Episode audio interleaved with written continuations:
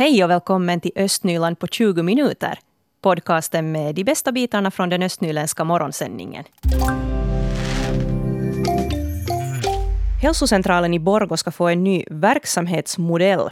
Och det här handlar om att patienter ska få en tidslucka när de ska vara på vårdcentralen istället för att de får en specifik tid till en läkare eller skötare. Vi ska höra chefsläkare Kati Liukko berätta mer om vad det här i praktiken handlar om.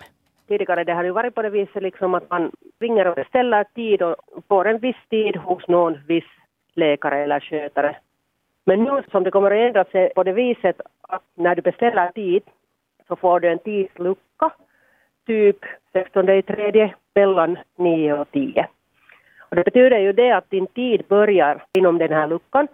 Det som händer sen bakom är det att alla våra läkare och skötare som jobbar just med mottagningar den tiden, så de är samlade i en pool och har en gemensam arbetslista.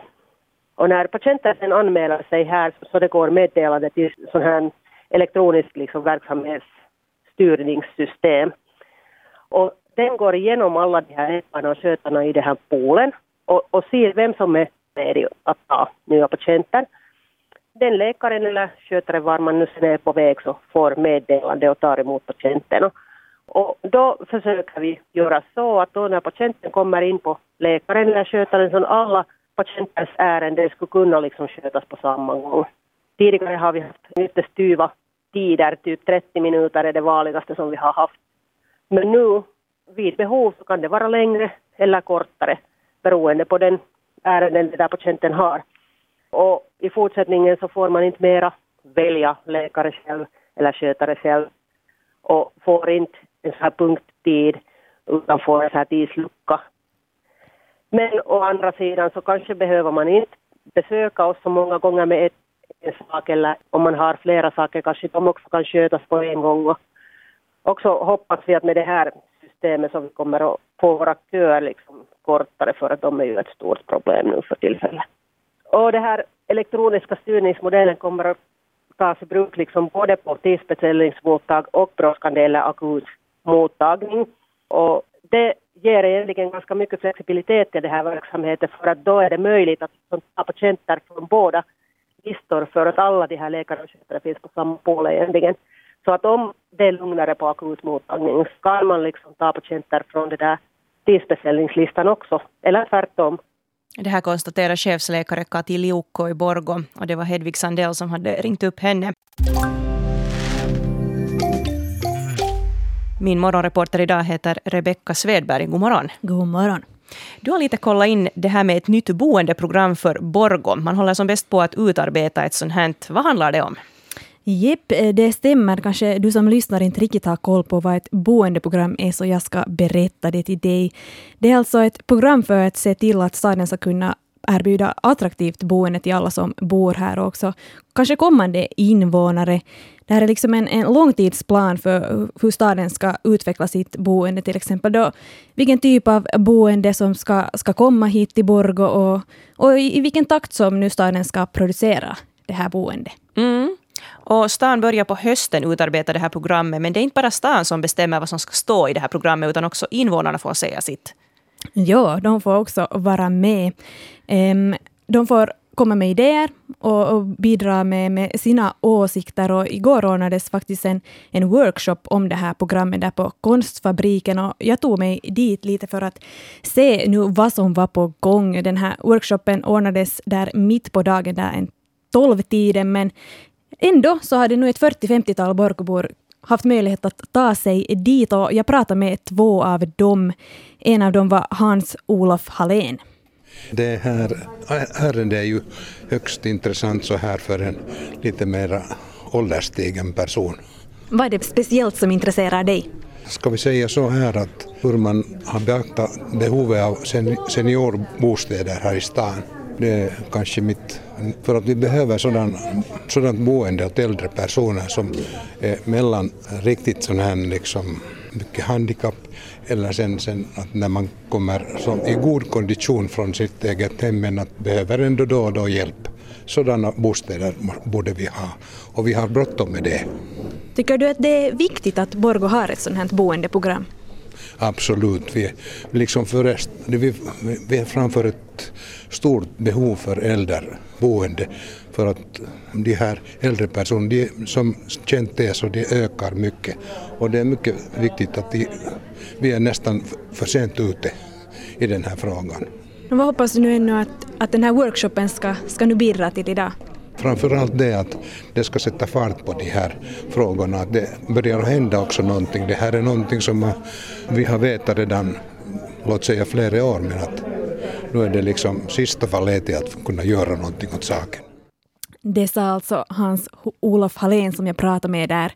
Under den här workshopen så fick då invånarna där, eller deltagarna, säga sitt om det här programmet. Det var lite föreläsningar där först och, och sen fick de börja jobba. På plats var också Sari Glad och jag pratade med henne också. Hon, hon var kanske lite inne i samma tankebanor som Hallén, alltså sånt här boende för äldre intresserar henne och så här berättar hon till mig. Det är hemskt viktigt att, att vi, vi som bor här tar del i den här processen och, och det här, därför att det, det är alltså så, så viktigt att veta och, och, hur det går här. Så jag är inte hemskt nöjd med, med, alltså med nu för tiden. Varför är du inte nöjd?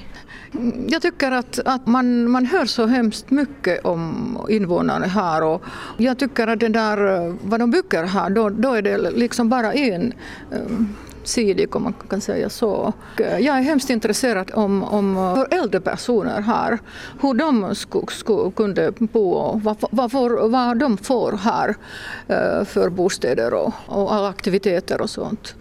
Vad hoppas du nu att den här workshopen här idag ger dig? Jag vill höra vad de andra säger. och då vad, vad, vad de svarar och, och, vad de säger om vad det skulle bli den här staden.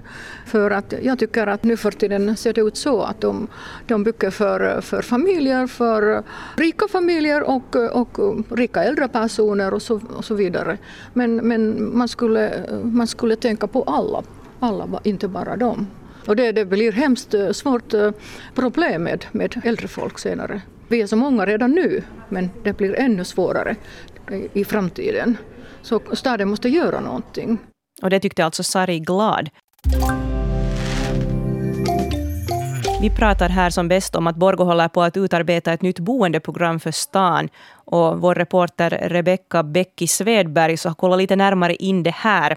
Och här före låten så nämnde jag att också resultaten från en invånarenkät presenterades igår i samband med en workshop. Berätta lite om det här, Beck. Ja, det är så att här tidigare i februari så har man alltså frågat invånarna att, att hurdan, hurdant boende de nu riktigt skulle vilja ha. Det här gjordes då i en enkät tidigare i, i februari och de här det här, resultaten från den här enkäten presenterades alltså igår då under den här workshopen och jag frågade biträdande statsdirektör Fredrik von Schultz där kort före workshopen att vad det nu finns i de här resultaten och han berättade så här. Nå, först måste man konstatera att, att, eh, kvinnorna har varit betydligt mer aktiva att svara på den här enkäten. Det var största delen av de som svarade på det var kvinnor. Och det, där, det kommer nog fram sådana saker som, som kanske inte är så förvånande. Man vill ha en trivsam och trygg boendemiljö. Man uppskattar att, att ha naturen någorlunda nära. Ehm, man bor gärna eh, i centrum. Och det där, klimatfrågorna har också lyfts fram i, i boende. Det sa alltså Fredrik von Schultz. Och Becky, du har fördjupat dig lite mer i de här enkätsvaren. Vad är det egentligen som Borgåborna vill ha?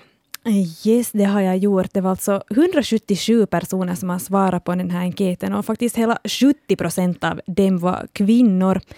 Och den här enkäten kommer det fram att Borgåborna faktiskt är ganska nöjda med sin boendesituation just nu. Och att till och med 93 procent är ganska eller mycket nöjda med, med, där de bor just nu, alltså sitt hus, och 95 procent är mycket eller ganska nöjda med, med den här miljön där de bor. I den här enkäten så frågar man också invånarna då att vad de nu skulle vilja att, att förbättras då i deras bostadshus eller boendemiljö. Och där, nu när det gäller bostadshus så kom det till exempel fram att man skulle önska mer förvaringsutrymme för, för barnvagnar och rullatorer. Sen önskar man också olika slags renoveringar, då, bland annat ny luftkonditionering och fönster och fasadrenovering. När det kommer till den här boendemiljön igen så önskar Borgåborna att gatuunderhållet förbättras eller ökar och att kollektivtrafikförbindelserna förbättras.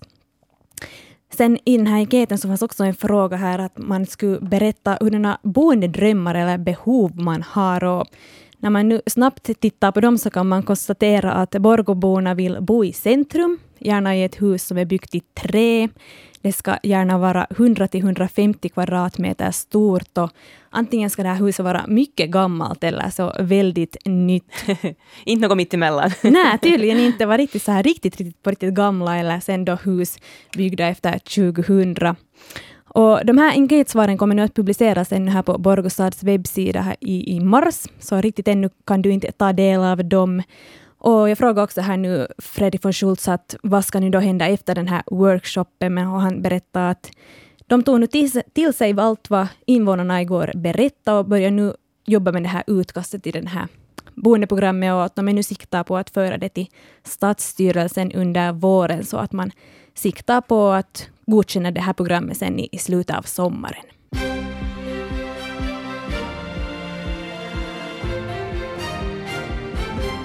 Du lyssnar till de östnyländska nyheterna då klockan är halv åtta. Jag heter Fredrika Sundén. God fredagsmorgon. Borgå stad har nu börjat planera nya trafikarrangemang för taxibilarna på Borgå torg. Det skriver tidningen Osima. Yle Östnyland har tidigare också berättat att parkeringsplatsen vid busstationen ska vikas för taxibilar efter att stationen rivs. Redan nu finns det taxirutor vid busstationen, men de ska bli fler. Och dessutom ska taxibilarna få tydligare infarter och utfarter. Troligtvis försvinner också taxirutorna längs Biskopsgatan. Tanken är att planförslaget läggs till påseende under 2020. Söderkulla skolas nya fastighet placeras vid Fröken Milis väg. Det är förslaget till kommunstyrelsen i Sibbo som behandlar frågan på måndag.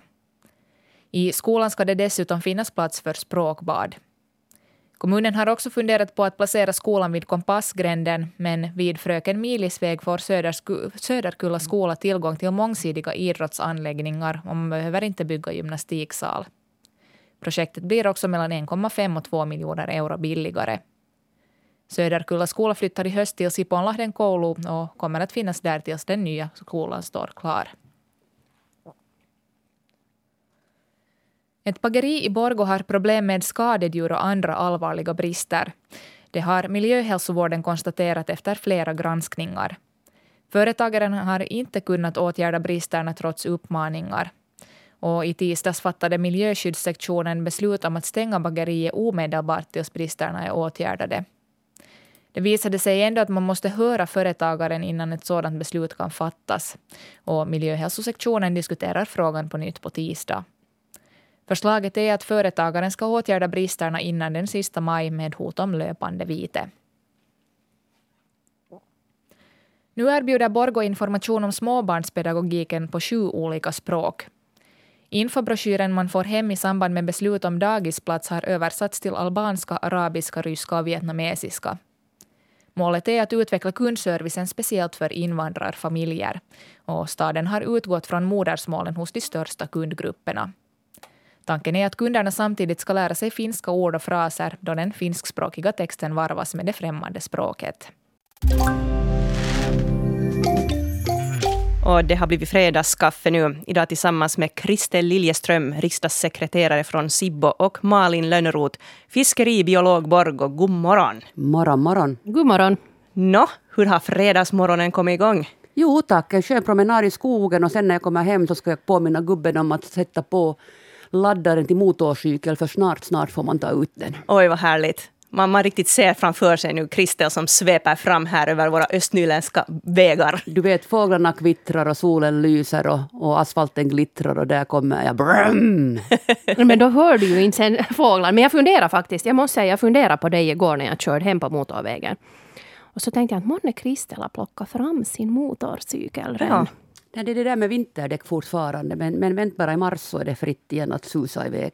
Oj, oj, vi väntar på det, hör du.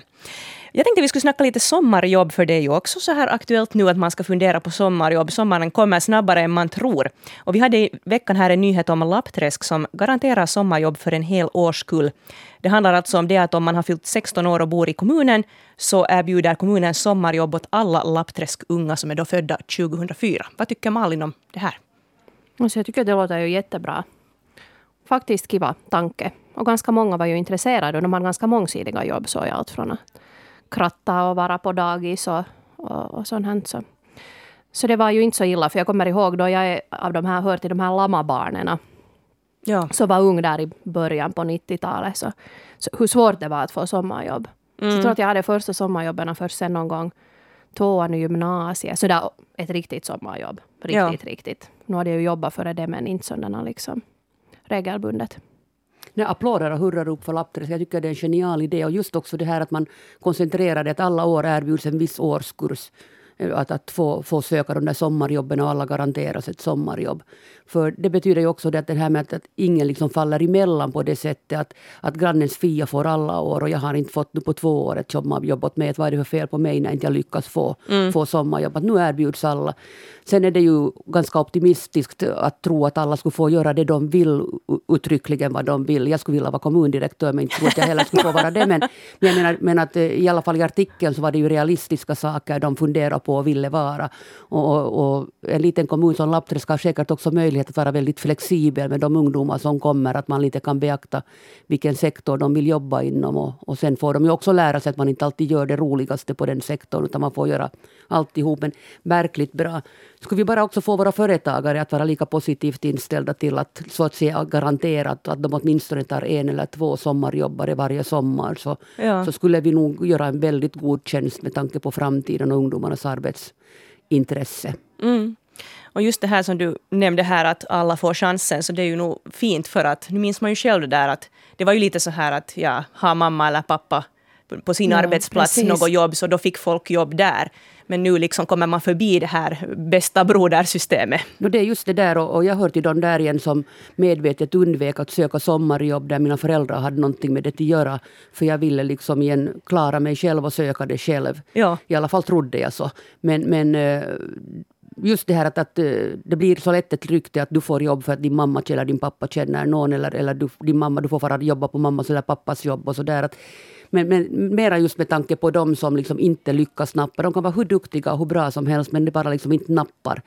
Att när man följer med hur ungdomar söker arbete överlag så är det ju de facto inte alltid duktigheten eller kunskapen som avgör utan det är ibland också bara rena slumpen. Ja. Och, och, då kan det också slumpa sig att, att du som ung faller ofta emellan och, och det kan inte göra gott för din framtida varken självkänsla eller, eller sätt att komma in i arbetslivet. Mm. Ja, och sen när du har haft ditt första jobb så får du ju det på din CV och så är det tycker jag liksom lättare. Det var alltid det där första jobbet ja. som, är, som är det där tuffa. Så tyckte jag det var helt härligt just det där liksom att med att så får man förtjäna sina egna pengar. Det kommer man ju bra ihåg. Och det var ju, han hade, där var ju en som hade jätteambitiösa planer att han ska spara till sin egen bil. Fint mm. så. Jag tror att jag sparar till något Levisar eller något. Men, att, men, men det där, jag plockade nu flyghavre var tror jag mitt första sommarjobb. Man kanske inte får en bil med man det. Man får inte en bil med att plocka flyghavre. Men ett bra jobb var det ju. Liksom, ja. Man fick lite. Jag fick säkert mina farkor ihop plocka.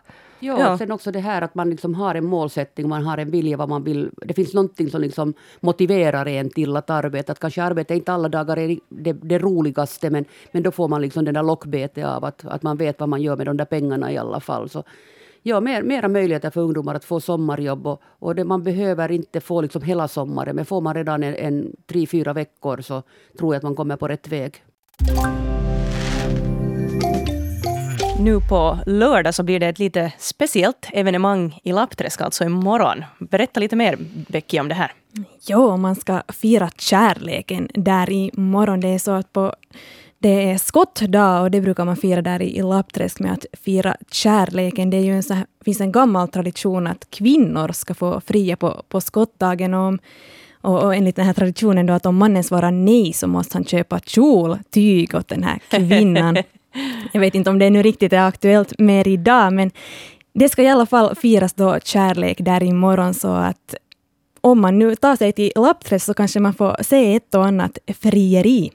Ja, det kan vara lite spännande det här. Man vet inte hur det går aldrig riktigt. Jo, nej, jag har faktiskt aldrig själv upplevt ett, ett frieri. Så jag har aldrig fått se på det, så det skulle kanske vara helt kul att åka dit. Och I år är det också ett, ett nytt, alltså det här är någonting som man har firat då redan sedan 2000 i, där i Lappträsk. Men i nytt för i år är att man behöver inte fria, utan man kan också bara offentligt bekänna sin kärlek då framför alla.